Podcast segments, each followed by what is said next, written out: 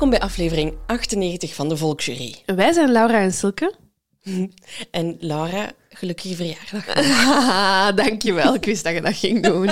Ja, afgelopen week ben ik eh 30 geworden. Oeh, Oeh. de Big 3-0. Ja, echt, het doet me niks. Doet me echt niks.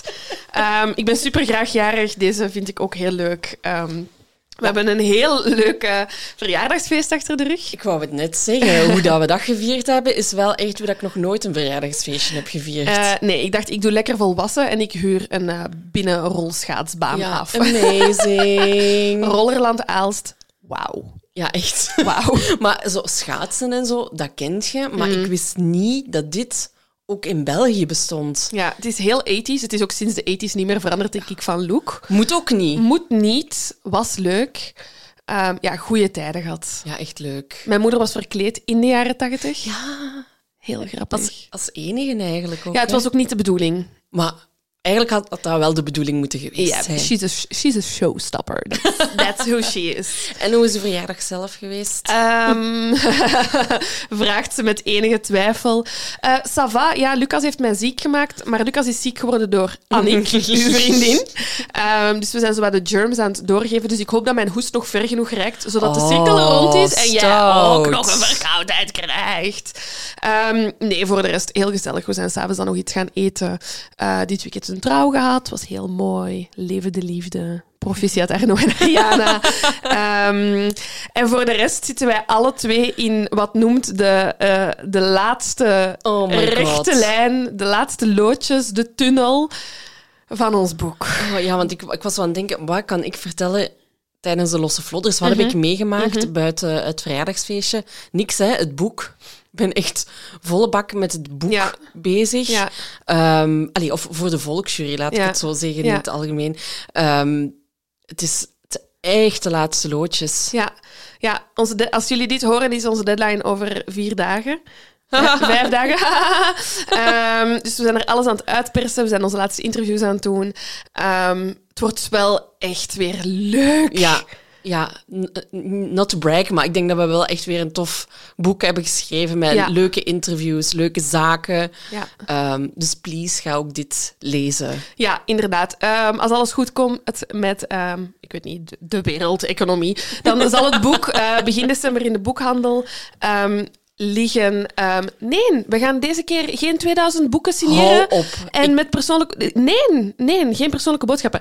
We gaan wel boeken signeren en die zal je eh, via onze webshop kunnen kopen. Eh, dus als je absoluut een gesigneerd boek wilt. Maar dat is letterlijk onze namen en niks meer. Geen teksten meer, geen huwelijksaanzoeken meer. Ehm, geen A4's. Het was heel leuk, totdat we het ook in het boek moesten zetten. Ja, dus nee, dat is gedaan. Maar als je een gesigneerd boek wilt, kun je het zeker op onze eh, webshop kopen. Je kan het ook in de boekhandel kopen, online kopen. Informatie volgt. Info volgt. We hebben nog iets leuks gedaan, hè? Ja? De try-out. Oh ja. ik, was het, ik had het echt al gebannen uit mijn geheugen. Maar nee, het was wel echt superleuk. Ja, we hebben inderdaad nog een live show gedaan. Ja, hallo. In, Gentje. Ha, wat waren jullie leuk. Oh, zo grappig dat die avond is geweest. Mhm. Allee, in de goede zin. Ja, het was heel tof. Dus aan iedereen die gekomen is, bedankt. Brengt mij naadloos over bij mijn volgende punt. Zou je ooit, ik zeg maar in de nabije toekomst, een live show willen meemaken? Wie weet, zou, Wie weet. Er, er is een kans dat we dat ooit nog zouden doen. Don't get your hopes up. Hè? Ofwel. Ofwel, haha. Eh, nee, maar schrijf je in op onze doodsbrief. Dat vinden we heel grappig. Daar zijn we zelf op gekomen. We vinden we echt hilarisch. Maar dat is eigenlijk gewoon onze nieuwsbrief. Brief, die kan je ook op de website vinden. En dan ga je als eerste op de hoogte worden gesteld van ehm, nieuwe activiteiten. Ik zou mij inschrijven voor het einde van de maand. Dat is alles wat ik erover wil zeggen. Doen. Zeker doen. Ehm, dat over de, ik, ik, ik blijf over onze website. Er is nog iets dat op onze website komt. Hilarisch. Binnenkort nieuwe merch. Ik heb ehm, op een volle open desk op het bureau tien minuten gelachen. Dan getoond aan al mijn collega's. Die heb ik allemaal gelachen. Jongens, wordt mooi. Ja, wordt goed. Ook hilarisch. Ook op de website. Gaan we het al... Nee? Nee, oké. ja, nee, we zeggen niks, ja. Voilà. Voilà, To be continued. To be continued. Ehm, wat heb ik hier nog opgeschreven? Ah, ja. Ik ben eens benieuwd wat jij vond van Rebel. Jij bent Ja! ondertussen gaan kijken. Oh my god, ik wou, die, ik wou het er inderdaad nog mee over hebben, maar er is echt zoveel gebeurd Ja. in de tussentijd dat er nog niet En nu gaat ze zeggen hoe fucking slecht. Nee. Kijk, ehm, nee, oh, hoe, Mm. hoe. En je had me al gezegd dat er ook met muziek en, en, eh, dat er gezongen wordt. En ik dacht, speciaal? Uh-huh. But it works. Ja. Het is echt zo goed. Ik denk dat, dat die stukken, dat we- ik ben met dat niet gaan kijken, dat we dan nog eigenlijk echt de beste stukken Mhm. Ja, van, van ik. heel de Ja. film vonden. Echt prachtig gedaan. Supergoed gedaan. En het was ook met Adil en Bilal en de hoofdrolspeler, ben even zijn naam kwijt. Mhm. Abu die, Bakr. Voilà. Die, eh, die ervoor een praatje kwamen doen. En ja, dat zijn de boys, hè. Ja, ja, ja, zeker. zeker. Dus eh, ja, nee, het was echt een heel goede film. Dus als je hem nog niet hebt gezien, even... Nee, ja, even ga kijken. En wacht, hè, dit, deze aflevering komt uit op donderdag. Vanavond kun je nog gaan kijken. Eén ticket kopen, één gratis. Oh, kijk. Ja, dat was maandag tot en met donderdag een actie van ehm vlaamsefilm.be. Dus die betalen het tweede ticket dan ehm, om te gaan kijken. Dus zeker doen. Hij loopt nog in de bioscoop. Ehm, en jullie mogen... Ik heb ook al een paar berichtjes gekregen van luisteraars die zijn geweest. En dat doet Ja, mij echt super veel plezier. Dus Dat is heel lief. blijf sturen. Ehm, eind oktober, dat betekent ook dat onze verjaardag eraan komt. We worden vijf jaar oud. En we hebben vandaag al een eerste cadeautje gekregen. Ja, we hebben zowaar Een Halloween-taart gekregen. taart gegeten. En ook echt goede taart. Goeie taart. Ja, Met bloedspatten op. eh, met spinnenwebben op. ja. Love it. spookske erop. Spookske vibe. Was, was een vibe. Eh, was van Julie's House in Ja. Gent. Ehm, mensen uit Gent waren zo... Oh my god, die mensen gaan jullie taart sturen. En wij waren zo... Oh, kennen we niet. Maar nu snappen we waarom dat mensen uit Gent... Ehm, dus ja, dankjewel daarvoor. En nog altijd mensen die ons winnende lottocijfers willen sturen. Bakken vol geld. Welkom. Laat iets weten. Slide in de DM's. We regelen dat. Ehm, en wacht, hè, ik, heb, ik, heb, ik heb echt ik heb zoveel opgeschreven, sorry. Ja, doe maar. Oh ja, ja, ja. ja. Ik, ik heb nog. Het is ook oktober is omdat het mijn verjaardag is, altijd mijn lievelingsmaand. Maar het is ook mijn favoriete feestdag deze maand. Het is Halloween. Halloween is mijn favoriete feest. Ehm, en Ik ik wou heb... nog verder gaan, maar bo, ik voelde dat we gingen Oh, nee, nee, nee. Ik denk niet dat we... Ik bedoel, dan zijn we echt al onze luisteraars kwijt. Er, er zit geen zanger in ons verscholen. Helaas. Helaas. Ehm, en ik heb... Dus ik kijk dan ook altijd zo Halloween-themed. Niet per se alleen maar enge dingen, maar bijvoorbeeld Gilmore Girls is zoiets Ja, ja, dat heel herfstie. herfstie is. Ehm, maar ik heb gezien dat op streams ehm, Welp staat, de eh, Belgische Ah, horrorfilm over Scotskamp Gone Wrong. Met Evelien Bosmans in de hoofdrol. En ja, dat is direct even een tip voor jullie. Als je hem nog niet gezien hebt... Ik heb daarna wel even moeilijk gehad om leiding te gaan geven Oh, op is echt, is echt zo Ja. erg. Ik vind het wel een hele enge film. Want jij bent van, van horror. Ja, ja, maar is wel goed. En Zou je mij dan aanbevelen om te kijken? Ik die geen fan ben. Ha, ik weet het niet. Het hangt er vanaf van waar heb je het meeste schrik. Zo, snap je? Je hebt mensen die, die bijvoorbeeld wel naar Saw, zo naar veel bloed kunnen kijken, zo slasher kunnen kijken, eh, maar dan zo niet naar geestenfilms. Dus het hangt er zo wat vanaf wat uw core angst is. Zo, zo- aan welk trauma wilt je werken? Dreiging, zo de, dat het... Het is heel spannend. Het is met kindjes. Oh nee, dat al helemaal niet. Nee, maar dus eh, voor wie hem nog niet heeft gezien, of ja, nog zoiets heeft van, ah, welke Halloween-film ga ik dit jaar kijken, de 31ste. Het is een tip. Perfect, goed. There you go. Er nog op u, iets op uw lijstje staan? Merch, doodsbrief, boek, boek, boek. Vijf keer boek, boek, boek, boek. Ehm, nee, dat was het, denk ik. Maar dat was toch wel al veel, hè? Ik vind dat we al veel verteld hebben, ja. Oké, let's go. Eh, aflevering maken we. Aflevering. Dus ik zeg net dat er geen zangtalent... Oh my god. Merken jullie dat we moe zijn? Ik wel, alleszins. Oh. Bon, ik ga er gewoon aan beginnen. Ik heb deze, deze keer de aflevering gekozen en we Ik gaan, ben het, zo blij. eh, we gaan het hebben over ehm, de radiummeisjes. Mhm. En het is geen true crime in de klassieke zin, Oh, it- it's a true crime. maar het is wel degelijk true crime. Ja. Ehm, en het is zo'n waanzinnig verhaal. Wij zijn alle twee heel blij dat we hem deze keer kunnen brengen. Mhm. Stond al heel lang op ons lijstje om te doen. Ehm, dus ja, voilà. Oh, het is wel, ik moet wel zeggen, het, het is een verhaal dat ik ken en leuk vind en graag wil vertellen. Maar dan begon ik aan de research en dan werd ik wel even zo flashback naar het middelbaar. Ja. Ah ja, tuurlijk. Oeh, chemie, niet mijn ding. Nee, niet mijn nee, ding. totaal niet. Kon ik niet. Ik weet nog altijd niet wie Mendeleev is. Ik snap het niet. moeilijk. Dus ehm, over het eerste stuk van mijn research, namelijk wat is radium, heb ik het langst gedaan, denk ik. Om, Ik heb dat gewoon geskipt. zal ik het dan even Ja, doen? dat is goed. Radium. Radium is een scheikundig element met het symbool Ra So far, so good. Mhm. en heeft het atoomnummer 88. De- ik heb echt geen idee wat dat we hiermee bedoelen. Het is een zilverkleurig aardalka, al, aardalkalimetaal. Aard, het is een metaal. kan, ja. Ehm, het is in 1898 ontdekt door Pierre en Marie Curie. Girl, love you so much. Ze waren bezig met het onderzoeken ehm, van mineraal uraniniet. Ken ik ook niet. Ehm, maar ze proberen dus eh, uranium te verwijderen uit dat metaal, hè, want ze waren op zoek naar die uranium. En ze merken dat het residu dat overblijft in dat eh, mineraal nog steeds radioactief is. Introducing radium. Ehm, uiteindelijk slagen ze er met twee in om in 1902 radium met behulp van heel veel chemische dingen die ik niet ga noemen, kunnen ze het element effectief isoleren.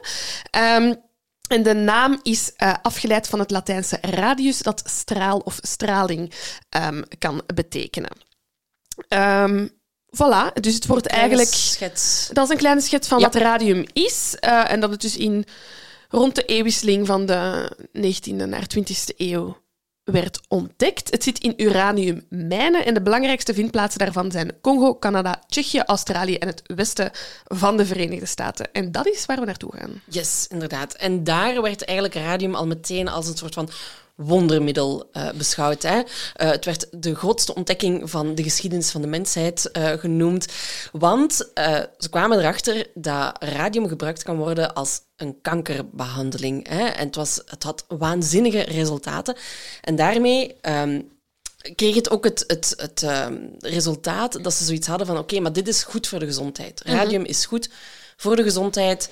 Ehm, dus eh, ook zo, ja, ehm, ehm, apothekers begonnen radiumpillen te verkopen. Ze gingen ja, echt medicatie verkopen met daarin radium. Zo'n beetje de hype die wij nu hebben met zo vitamine C of CBD-olie. Zo. Waarschijnlijk. Het is goed, we doen het op alles. Maar het is crazy, hè, want dat wist ik dus niet. Maar dus in die periode werd het echt verkocht. Hè. De, de very rich of America eh, kochten het in tonic-vorm, in watervorm, in botervorm. Ze smeerden het op hun gezicht.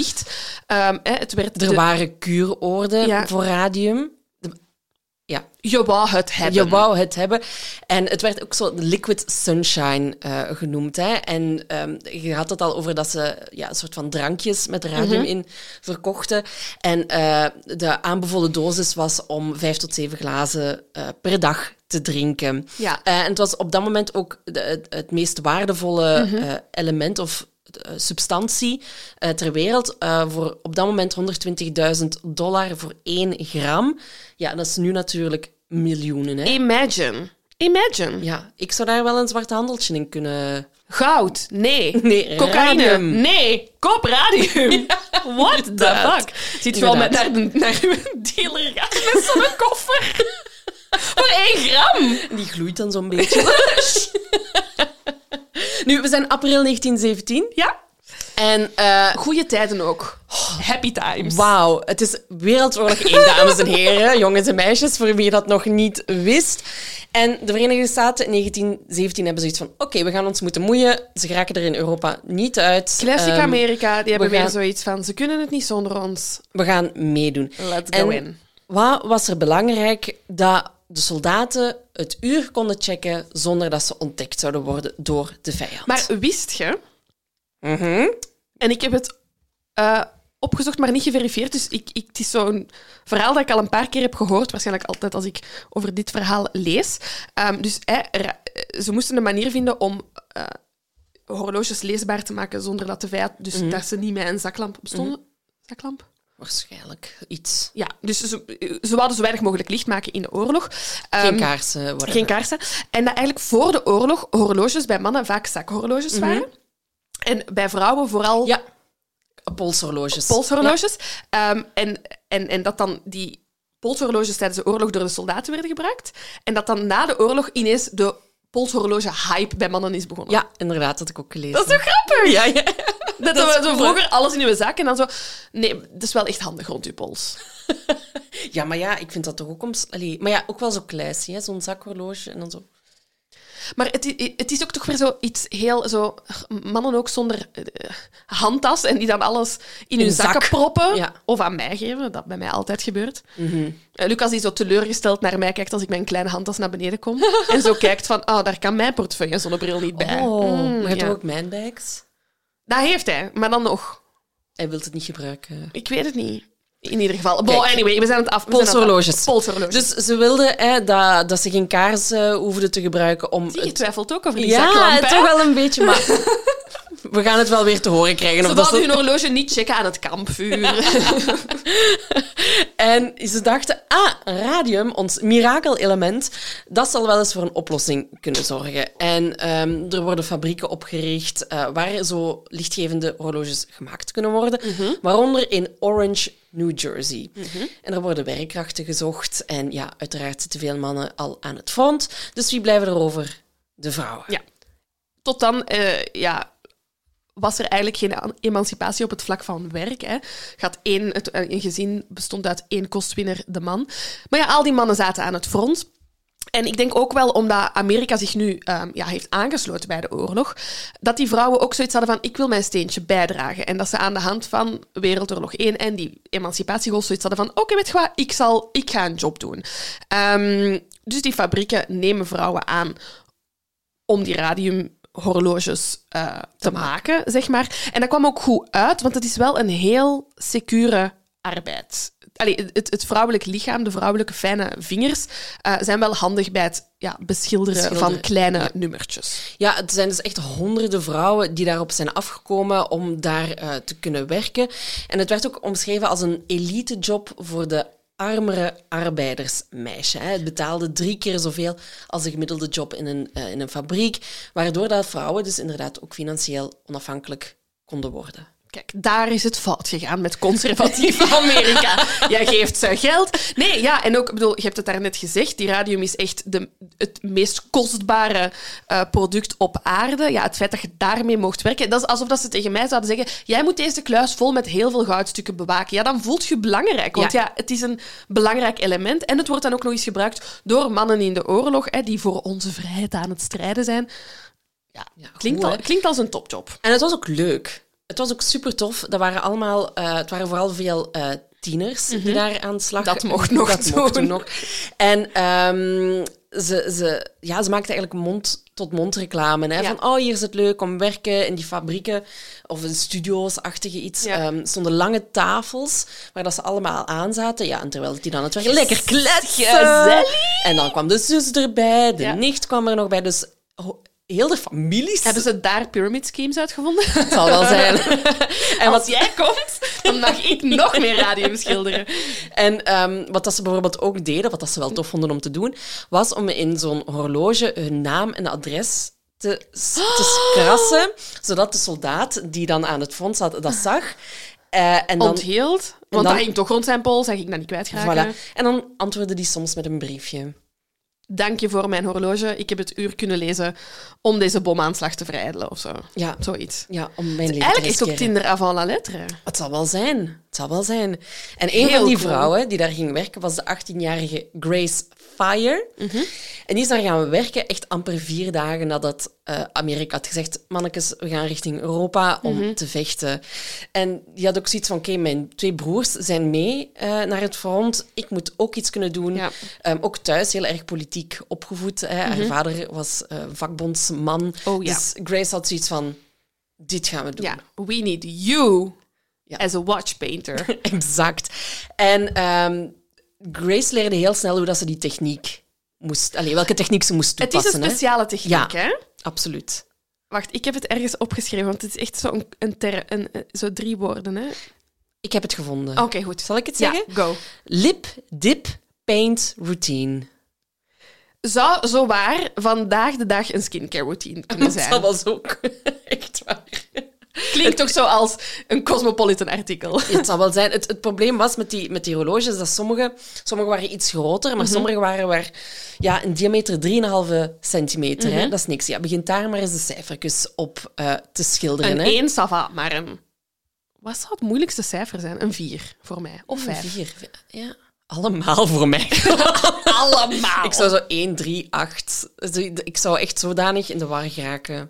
Tellen tot 10 is altijd een moeilijkheid geweest bij zulke. Ik geef het, ik geef het toe. Ik geef het toe.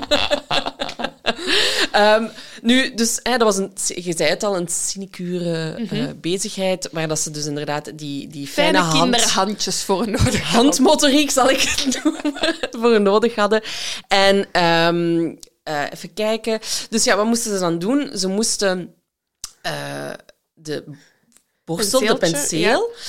Dus dat waren zodanig fijne penseeltjes dat de haartjes soms eruit sprongen. Hè? Ja. Je kent dat wel als je soms, weet ik veel, met eh, verf bezig bent. Er zijn ongetwijfeld mensen die in de, tijdens de pandemie aan het aquarellen zijn geslagen. Ehm, en het ding is, eh, allee, we gaan de techniek nog uitleggen. Ik ga al schuldig bekennen dat ik dat ook doe Ah ja, tuurlijk. als ik schilder. Dus wat dat ze deden was, om ervoor te zorgen dat er geen haartjes uitsprongen, was de, de penseelborstel zo lichtjes tussen de lippen te steken, dan te dippen in de verf, dan te, eh, te verven. Ja. En dan opnieuw. Ja. Hè? En sommige meisjes moesten dat vaker doen. Sommige meisjes konden een heel uurwerk afwerken met ene keer aan hun lippen te likken. Ja. Ja. Gewoon om ja, zo die uiteinden van, van de haartjes... Je, ken- je doet dat soms ook als je zo een, een draad door een naald wilt steken. Hè? Dat je niet wilt, hè? dan steek je dat ook zo tussen je lippen om te zien dat er niks uitsteekt en alles. Hoe huishoudelijk klinken wij momenteel? Ik naai nooit. Elke keer als ik naai, which is never. Which is never. Misschien wat ook interessant eh, om te zeggen is, is ja, eh, radium kom- komt natuurlijk niet in verfpotten eh, toe. Ehm, het is een, eh, ze kregen het in de fabriek aan als in poedervorm. Dus het moest vermengd worden ehm, ja, met een beetje water en een soort van ja, lijm, hè, om echt de verf te maken. Ja, inderdaad. En dus elke keer als de, als de meisjes dan, of de jonge vrouwen, ehm, die, die penseelborstels in hun mond brachten, ja, dan kwam er ook een beetje van die verf in hun lichaam terecht. Ja. Daar stelden ze zich in het begin wel een beetje vragen bij. Ja, ze, ze, ze, ze werden ook wel beschouwd als de ghost girls Ja. in town. Ehm, Waarom? Dit is het. Maar dit, dit is- mijn favoriete deel. omdat ze dus glow in the dark werden. Ja. Ze, ja, Ja, dus we weten, hè, dus radium, de, naam komt ook van straling. En het, het, het straalt dus echt uit. Het geeft licht in het donker. Hè. Die verf wordt gemaakt van poeder, van radium. Dat wordt dan vermengd. Bij die vermenging, ehm, ja, dus in die fabrieken of studio's, ja, al dat poeder dat vliegt daar in het, rond. in het rond bij, de- bij dat vermengen. Dus dat komt terecht op hun haar, op hun gezicht, op hun kleren. Ehm, je zou denken, damn, minpuntje. Maar die meisjes Hmm. zagen dat als, alleen maar als een groot voordeel. Ja, één, hun job was prestigieus. Ja. En je kunt s'avonds op café wel zeggen dat je dat doet, maar niemand weet dat zeker. Maar doordat dat poeder als fairy dust daar zo aan het ronddwarrelen is, valt dat op hen. Het is lichtgevend, dus wanneer zij s'avonds in het donker naar huis wandelen, stralen zij letterlijk. En krijgen ze inderdaad die term ghost girls. En ze doen hun mooiste Ja, kleren aan Naar het werk. naar het werk. Echt zo van prettiest dress. Want ik ga vanavond naar de bar en dan gaan mensen één, mijn schoon kleed zien. En twee, zien dat ik straal en dat ik een ghost girl ben. En wat dat ze ook deden, is dat ze soms wat radium op hun tanden smeerden, zodat ze die stralende mooie glimlach kregen. En ja, dat gaat zo door. En Grace, die werkt daar ook nog ondertussen, die is echt aan het excelleren hè, in Mhm. Ja. haar job. Ja. Die is een van de snelste werkers van het bedrijf. En die maakte zo wat eh, 250 horloges per dag. 250. Ja, want ik, ik, heb, ik, stel, ik heb veel vragen.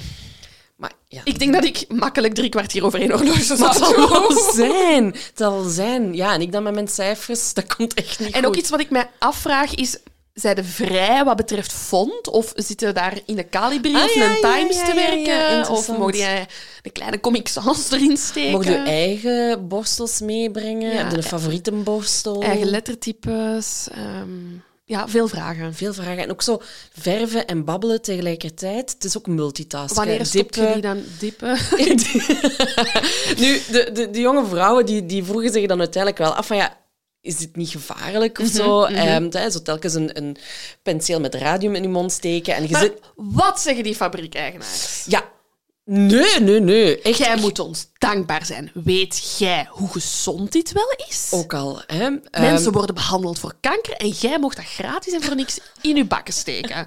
Be grateful, Grace. dus niks aan de hand. Uiteraard een dikke leugen. Voilà. Het is gezegd, want sinds dat het ontdekt was, bleek natuurlijk radium supergevaarlijk te zijn. Ik wil even teruggaan naar ons Marie Curie, die ik daar straks, Zeker. die ik daar straks zo en passant even Doe vernoemde. En ik denk, ik kom even terug. Alright, Marie Curie. Ons Marie Curie is ehm, geboren in Warschau op 7 november 1867. Ze is een Pools-Franse schei- en natuurkundige. Ehm, ze heeft in haar leven twee Nobelprijzen ehm, binnengerijfd en ook twee elementen op de tabel van Mendeleev, waar ik nog altijd niet van weet waarvoor ze dient, ehm, ontdekt. En dat is polonium en radium. Ze is bezet, eh, geboren in bezet Polen. Ze mocht niet gaan verder studeren, maar ze slaagt, en dat vond ik heel slim gevonden, ehm, met een deal, ze, ze sluit een deal met haar zus en ze verhuizen samen naar Frankrijk. En haar zus gaat eerst voor geneeskunde studeren en zij werkt als au pair. En dan wisselen ze. En dan gaat Ah, zij scheikunde studeren en dan werkt haar zus. Oké, kijk, cool. Ja. Ook hoe slim kun je alle twee zijn? Ja, zeker. Niet eerlijk. Ehm, op de universiteit ontmoet ze dan haar man Pierre Curie. Ehm, en in 1903 verdedigt ze als eerste vrouw in de natuurkunde haar proefschrift ehm, Recherche sur les substances radioactives. En eh, ze, is, ze krijgt haar doctoraat met de kwalificatie, vind ik heel schattig, très honorable. Voilà. Ehm, ze slaagt er dus eindelijk om- om radium ook op de tabel van Mendeleev te krijgen, ondanks dat daar heel veel discussies over geweest ehm, van mannelijke collega's. Die hadden allemaal zoiets van, nee, ehm, dat is niet echt een element en dat is gewoon een reststof. Maar zij heeft Ja, echt... die audacity. Die audacity. was Christ. blijkbaar ook echt een vriend van de familie die dan zo stiekem heeft gestuurd naar de universiteit. Ik ben toch niet gestuurd. Ik was al aan het typen, maar hij heeft het waarschijnlijk geschreven. Geschreven. Ja. Ehm, en tijdens die Eerste Wereldoorlog ehm, ontwerpt Marie Curie ehm, ambulances radiologiek. En het zijn autobusjes die uiteindelijk naar haar worden vernoemd, Le Petit Curie. En daarmee rijdt ze naar het front samen met haar dochter. Dus dat is een, een klein wagentje voorzien van een dynamo. En in, een- in de wagen zit een röntgenapparaat. En daar... ehm, neemt ze dus ja, samen met haar dochter röntgen, scans, foto's, eh, weet ik niet, denk ik, eh, op, van de ge- gewonde soldaten op de veldhospitalen eh, langs de frontlinie van eh, Wereldoorlog 1. Dus ja, mega chic. Maar in 1934 overlijdt Marie Curie op 66-jarige leeftijd aan leukemie. Sorry, ik neem heel veel dramatische pauzes. Het is zeer zeker nodig. Want die leukemie is waarschijnlijk ontstaan door haar werk, altijd omgeven door een hele grote stralingdosis van de radium die zij ontdekte. En onze meisjes zitten daar in de Te fabriek. lekken aan die Het zal penselen. wel zijn. En zij zijn dus eigenlijk ja, gerustgesteld hè, Mhm. door wat dat hun baas zegt. En, eh, dus Dat nieuws vanuit Frankrijk bereikt de overkant niet. Nee, nee, nee. We zijn hier ook nog steeds mid Wereldoorlog eh 1. En eh, ze, ze lachen eigenlijk op een gegeven moment om het feit dat het snot in hun zakdoeken in het donker licht gaf. Zo van, ah, hilarisch, kijk. Eh, en Ah, ja, Dat is een beetje hoe dat wij in het begin met corona omgingen. het is toch gewoon een griep? Twee jaar later. Fuck! Maar echt, daarmee kunnen we het vergelijken. En dan ook nadat de oorlog voorbij is, eh, blijft de fabriek, fabriek, eh, de fabriek draaien. Mhm. Want lichtgevende horloges zijn nog steeds hot and happening. Maar uiteraard. Nog En steeds vandaag de dag hot Love happening. it. Alles wat licht geeft. Ik wil het. Glow in the dark stickers, they're mine. I love it. Absoluut. Wauw, ik. Maar in de fabriek werkte ook de 19-jarige Amalia Molly Magia. Mhm. Denk ik dat het uitgesproken wordt. We gaan haar vanaf nu Molly noemen. En zij was daar terechtgekomen eh door haar zus Albina. Sorry, ik moet echt Molly dippen. Sorry, jongens. ik zit in een andere sfeer. Ja, let's Eh, go. die had haar kunnen overtuigen om eh, in de fabriek te komen werken. En in 1922 wordt Molly ziek. Hè, en ze moet naar huis uit de fabriek. En het begon eigenlijk allemaal met een pijnlijke tand. Hè. Ze, eh, Ik ga ook even... Sorry, Silke, dat ik je onderbreek. Ja, nee. Maar met dit stuk heb ik het echt... ik- Een beetje kotsneiging ook. En het is heel moeilijk. Dus mensen die niet zo goed tegen zeer plastische beschrijvingen eh, kunnen... Einde van de podcast. Slaap wel. bye. Bye, dit is niet gebeurd. Al de rest, Dus- Halloween is coming. Dus het begon met die, met die pijnlijke tand. En ja, wat doet je als je een pijnlijke tand hebt? Je Ja, gaat naar de tandarts.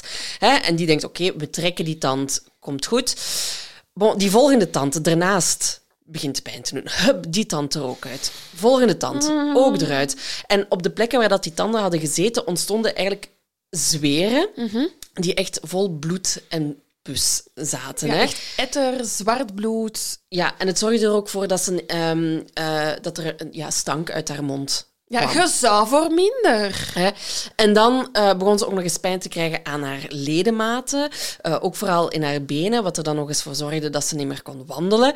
En de dokter op dat moment dacht van oké, dit is gewoon reuma. Hier is wat aspirine. Ga komt goed. Ja. Voilà, maar eh, hè, dit, eh, 1922 vordert, we zijn ondertussen mei en Molly heeft iets van what the fuck is er aan de hand Ik met heb mij? de helft van mijn tanden niet meer. Er spuit etter uit mijn mond. Eh, ik denk dat ze op dat moment zelfs de meeste tanden gewoon Ja. kwijt Ja, was. hè. ja. Niet eens meer de helft, maar gewoon praktisch allemaal. Oh. En ehm, ja, ze benoemen het dan als een soort van mysterieuze infectie. Ze weten Mhm. totaal niet wat dat er aan de hand is. En ehm, dus ze had aan haar onderkaak last, ze had aan de bovenkant van haar mond last en ehm, ook wat boon, eh, bonen, botten aan haar oor. Ja. Die waren ook ja, vol met abscessen en Ja. zweren en dergelijke meer.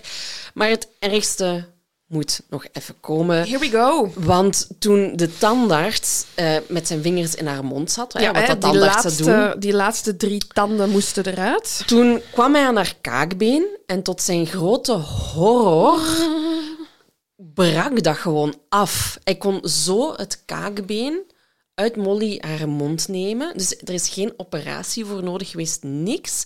Gewoon door zijn vingers in haar mond te steken en het op te heffen. Ja. En dan een paar dagen later wordt ook haar volledige onderkaak verwijderd. Ja. Dus het kind heeft, geen heeft Geen, geen onderkaak geen meer. kaak meer, Ja. geen tanden meer. Die tandarts bestudeert dat bot en hij vergelijkt het met een soort van eh, zo, eh, oh, ja, een honeycomb, maar wat is dat in het Nederlands? Een honinggraad.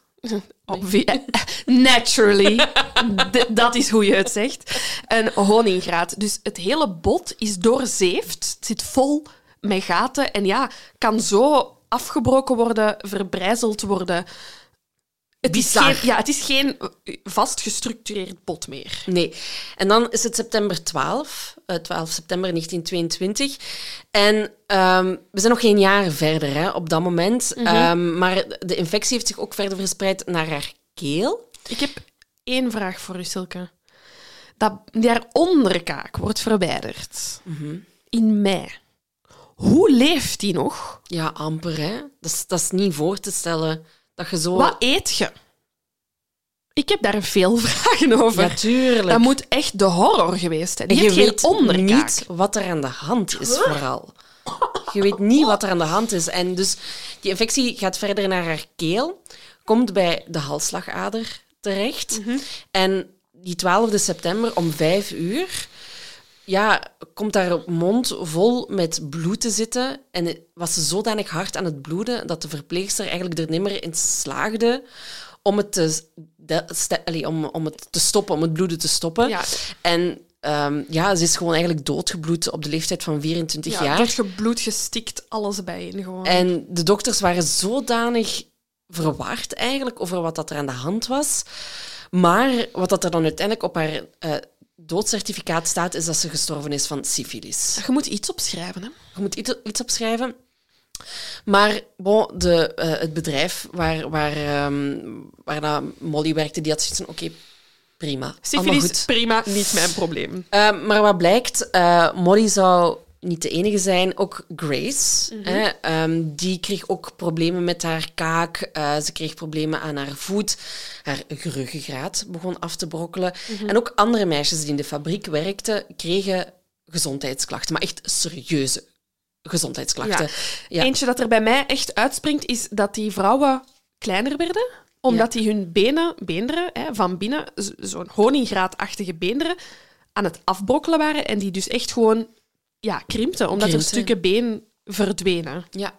En er stierven ook gewoon Er nog heel veel mensen. meisjes. Ehm, Er waren ook vrouwen hè, die inderdaad ook die tandproblemen kregen, eh, kaak, kraakbeenproblemen, maar ook eh, grote gezwellen kregen. Ja, Heel vies. Ja, Ehm, tumoren, hè, ja. echt van die... eh, ik heb één... ik heb foto's, ik ga ze delen, maar het is wel echt best gruwelijk. Echt een foto van een vrouw met echt een tumor, maar manneke, zo groot als een, als een, als een pompelmoes onder haar kaak. Hè. Ja. Crazy. Heel bizar. Crazy. Nu, ehm, de- het bedrijf heeft zoiets van... Ja, nee, we hebben hiermee... Die zijn allemaal, allemaal gestorven aan, aan syfilis. Dat is gewoon Ehm, toevallig dat die hier allemaal werken. Ja, en ze slagen er ook in om dat uit de pers te houden. Mhm. Hè, omdat ze zoiets hebben van ja, ze waren heel erg gewoon eh, aan het victim blamen. Mhm. De meisjes zijn seksueel actief geweest, hebben die SOA opgelopen. Ja, kunnen wij toch helemaal niks aan doen. Ehm, maar ja, na- natuurlijk bestaat, ontstaat er gossip hè, Mhm. in town. En ze hebben zoiets van, oké, bij dat bedrijf, we kunnen dit niet meer negeren. Laten we er een expert op zetten. Mhm. Zien wat daaruit opkomt. En dat was ook wel een onafhankelijke expert. Ja. En, ehm, Die fabriekseigenaars hadden ook gewoon zoiets van, weet je, we zetten die expert erop, die schrijft zijn rapport en dan zijn we van dat geroddel vanaf. Want ook de verkoop van, van die horloges ehm, in de buurt van de fabriek dan, ja, daar, daar werd natuurlijk wel geroddeld en bedoel, die zagen wel al die jonge meisjes sterven.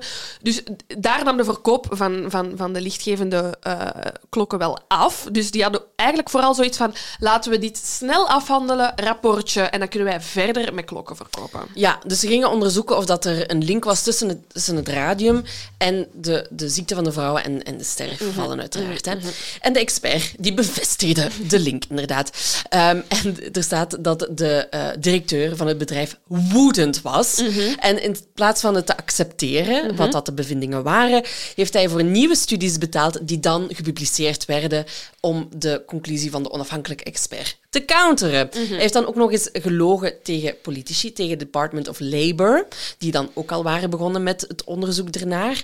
En ehm, de, de, de, de president van het bedrijf zei van ja, maar kijk, die meisjes willen gewoon ehm, geld zodat ze een, een, een, een, een, ziekte, zeg je dat, afrekeningen konden ja, uitkeren, ja. Konden, konden betalen.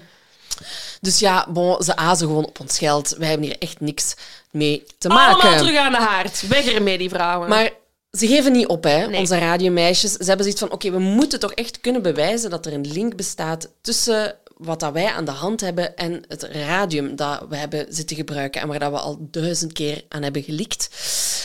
Ehm, nu, maar het was natuurlijk moeilijk, hè, want radium werd nog steeds beschouwd als superveilig, supergezond. Maar het was pas toen dat er ook een man stierf in de fabriek die met radium bezig was. Maar dat is iets anders, Silke. Ah ja, excuseer, Ja, tuurlijk. ja. Maar mannen werden ook... ehm, want ik, ik zeg dit nu lacherig en totaal niet eh, echt bedoeld.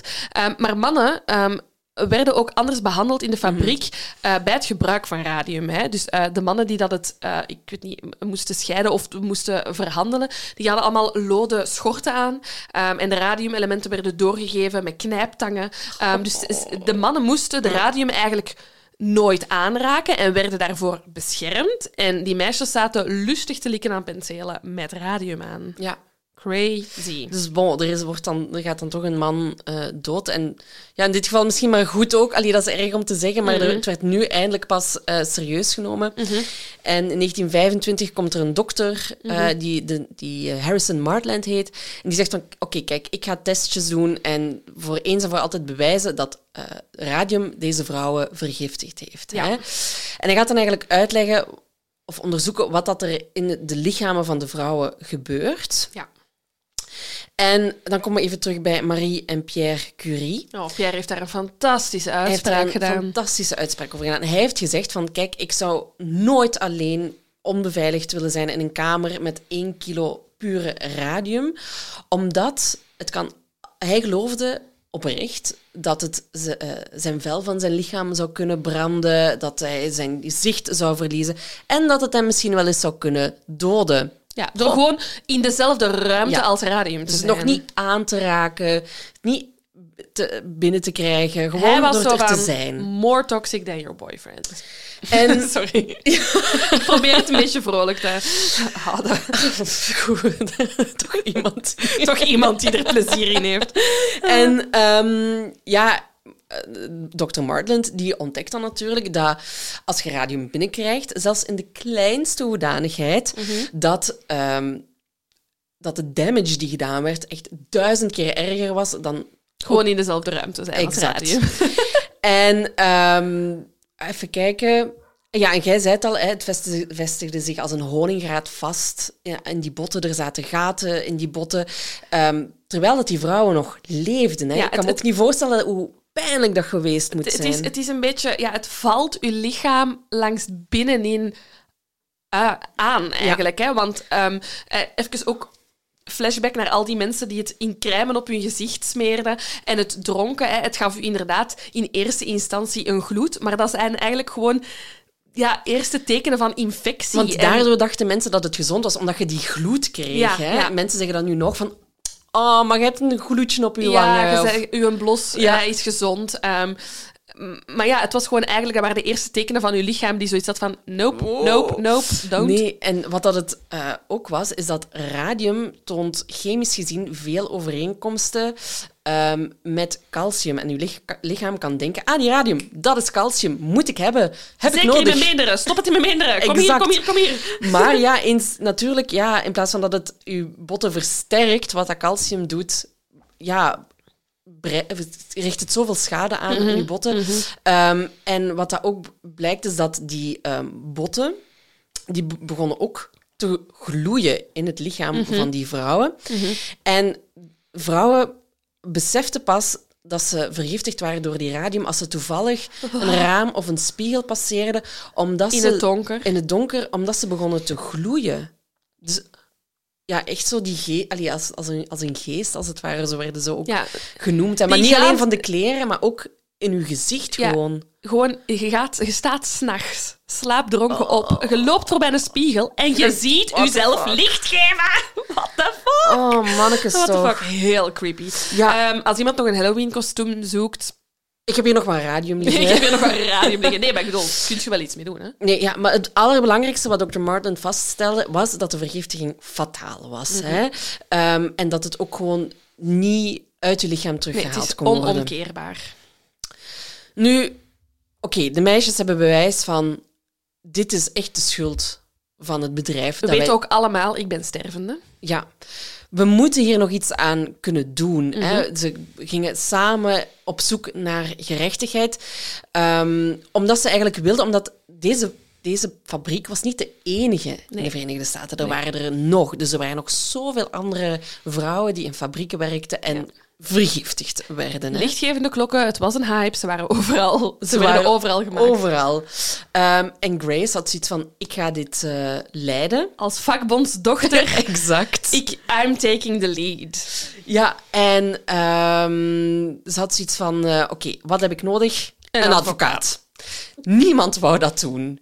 Niemand, omdat ze zoiets hadden van: ja, ik ga mijn carrière niet op het spel zetten, omdat radium nog steeds als super cool en super hip wordt bevonden. Mhm. Ehm, sommigen hadden er gewoon toekoer geen zin in. Nee. Of anderen geloofden de vrouwen gewoon niet. Nee. En het bleek ook, ehm, er, zat ook een soort van hiaat in het rechtssysteem. Ehm, dat, dat als je iets hè, wou aanklagen, dat je bedrijf iets te maken had met je gezondheid, dat je eh, binnen x aantal tijd eh, die bewijzen moest kunnen leveren. En die gevolgen moesten ook binnen de zoveel jaar, jaar. binnen de twee jaar hebben plaatsgevonden, zeg maar. Maar ja, sommige meisjes werkten eh, daar vijf jaar hè, en waren nog niet gestorven. Dus had justitie zoiets van, ja kijk, dat is misschien niet de schuld van die eh, fabriek. Of radium kwam ook pas na vijf jaar naar de oppervlakte in het lichaam, Ja. dat het dan pas Ja. duidelijk werd. Dus, ze dus ze hadden zoiets van, we kunnen hier niks aan doen. Gelukkig is er één advocaat die toch zoiets had van, alright, ehm, kijk, ik, ik, ik zie het wel, ik wil hiervoor vechten. Zijn naam is Raymond Barry. Ehm, en in 1927 ja, neemt hij de case eh, van de vrouwen aan.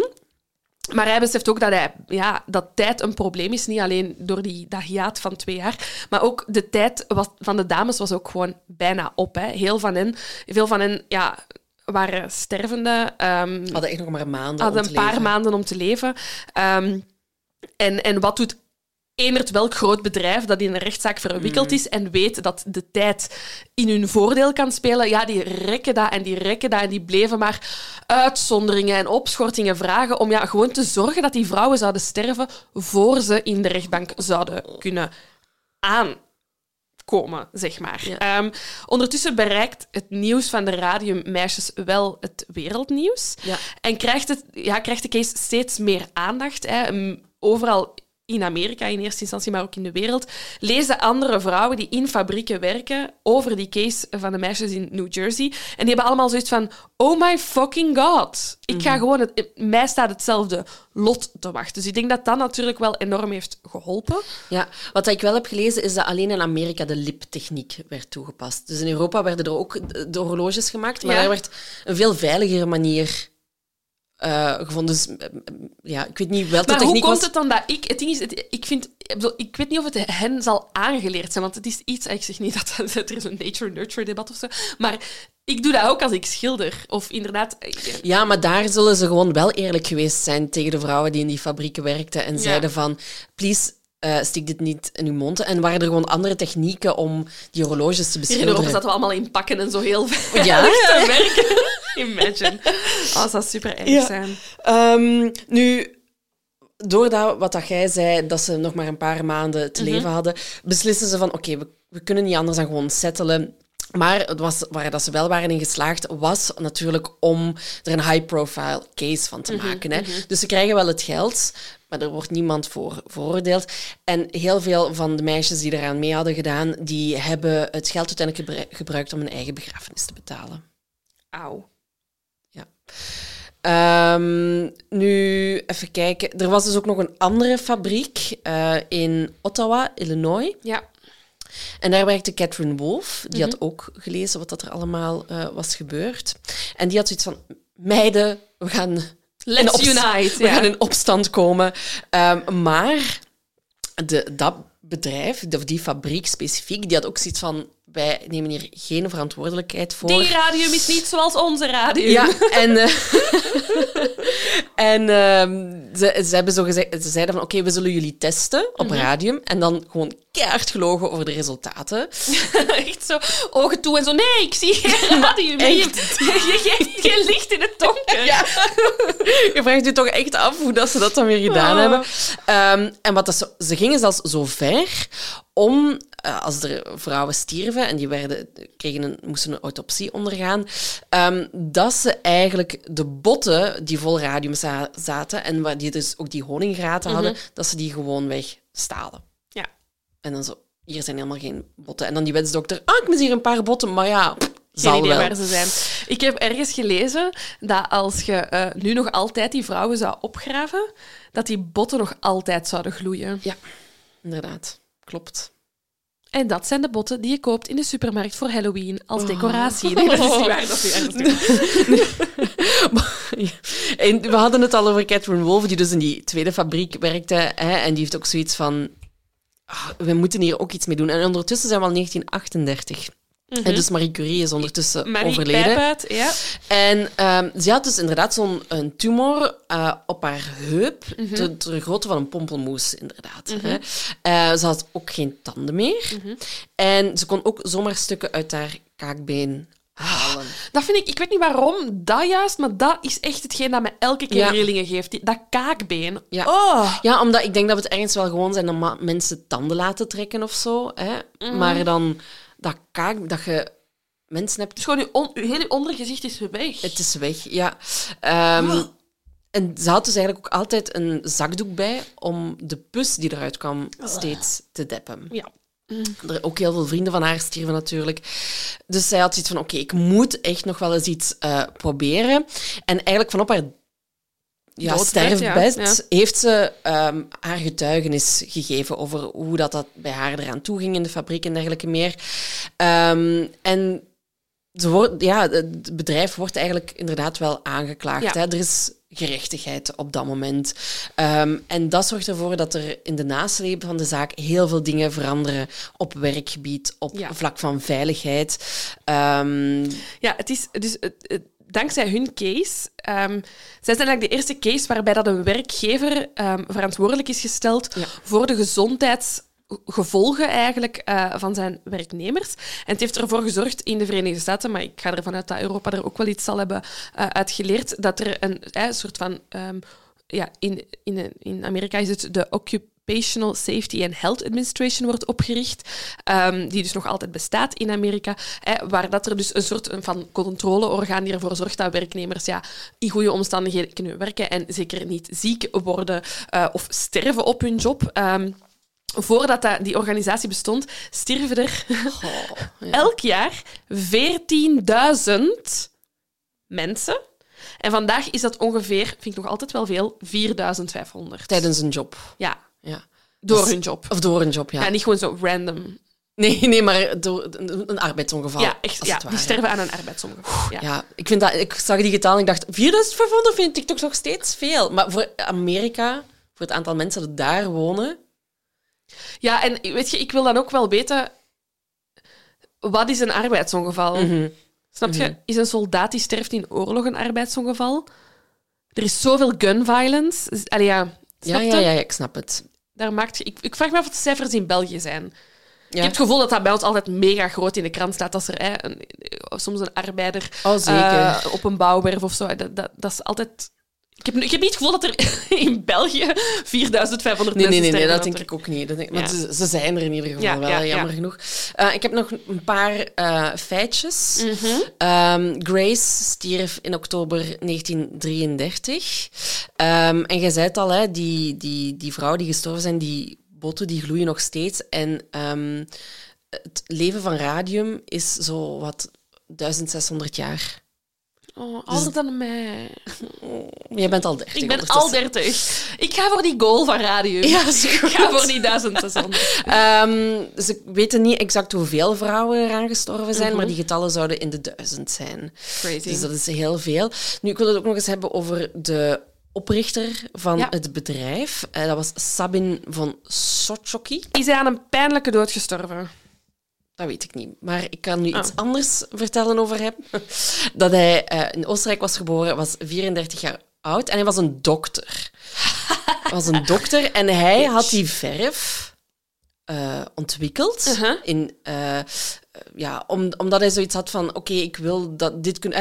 Het was al een hype, radium. En hij had zoiets van, oké, okay, misschien kan ik door dat snel, snel te verkopen, um, kan ik geld verdienen rijk om worden. rijk worden, maar ook voor um, medical research. Hè? Dus hij was dan toch ergens filantropisch genoeg om te denken, kan het geld steken om medisch gezien iets te betekenen in de wereld. Mm -hmm. Maar kijk, dat ondernemerschap, dat komt dan op een gegeven moment. Hè? En het geld komt ook op een gegeven moment. Dus en dan dacht, vergeet je alle goede doelen. Ik ga een fabriek oprichten om die horloges te maken. En ik heb een gelijke daarin gevonden, een andere dokter. Dr. George Willis. En hij wordt door een uh, Amerikaans magazine genoemd als uh, een van de grootste, belangrijke autoriteiten in de wereld als het gaat over het onderwerp van radium. Mm -hmm. Want hij heeft gestudeerd bij Marie en Pierre. Malé. En heeft toen ook gehoord wat dat Pierre erover gezegd heeft. Dus die man. Hij was erbij bij de quote. Zeer zeker. Oh. Ik weet niet of hij in de kamer nee, ook nee, was van okay. Pierre, maar. Uh, dus hij wist hoe gevaarlijk het was. Um, ook omdat hij op een gegeven moment. Uh, in, zijn, in zijn, een van zijn vingers radium had gekregen, of in aanraking was gekomen met radium, heeft dat beseft van, ah shit, dit is niet goed, heeft het topje van zijn vinger afgehakt ha. om de verspreiding te mijden. Ja. En um, hij zei van, ja, ik ben aangevallen geweest door een, door een beest en daardoor... Uh... Het beest dat radium heet. Exact. Maar dus die gast wist hoe levensgevaarlijk dat het was. Dus het is niet zo dat hij zoiets had van dat als ze die fabriek hadden opgericht, ze zijn een paar jaar bezig en dan tot het besef kwam, fuck, dit is levensgevaarlijk. Nee, nee, hij wist het al nog voor de fabriek werd opgericht. Uh, er is recent een film verschenen over het onderwerp met uh, Joey King in de hoofdrol, een beetje het personage van Grace. Uh, die heet Radium Girls. Um, ik heb niet gevonden waar je hem online kon uh, kijken, maar die vertelt ook nog eens het verhaal uh, van de meisjes en de strijd die ze hebben gevoerd.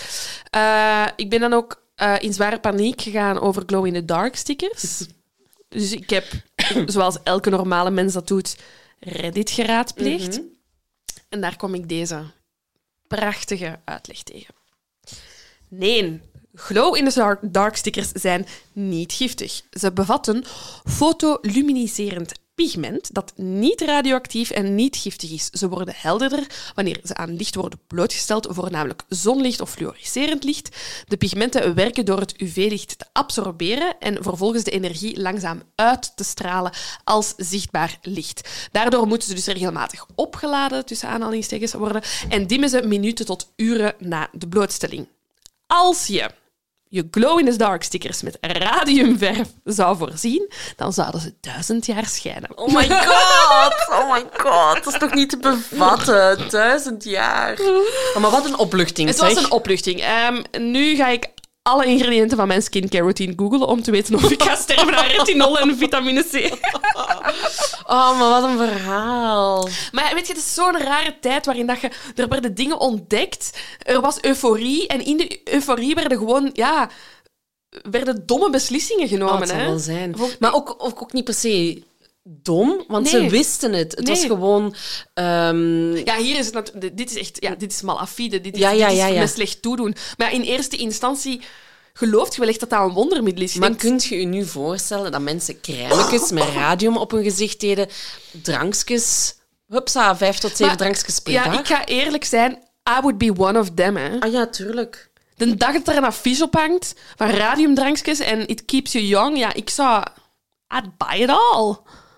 Ik zou die persoon geweest zijn. We, ik- we zouden niet in staat geweest zijn om die horloge te schilderen, want daar zijn we alle twee Ja. Te onhandig, niet geduldig genoeg voor. Dat zou niet mijn job Ik zou naar een kuuroord gegaan zijn. Ja. Dat, dat. En die boter, dat spreekt mij ook wel aan. Ja, die boter inderdaad. Zo, een boterhammetje radium. Pijnstillertje ook met wat radium. Ja. Ja, ik zou erin meegaan, kijk. ja voilà.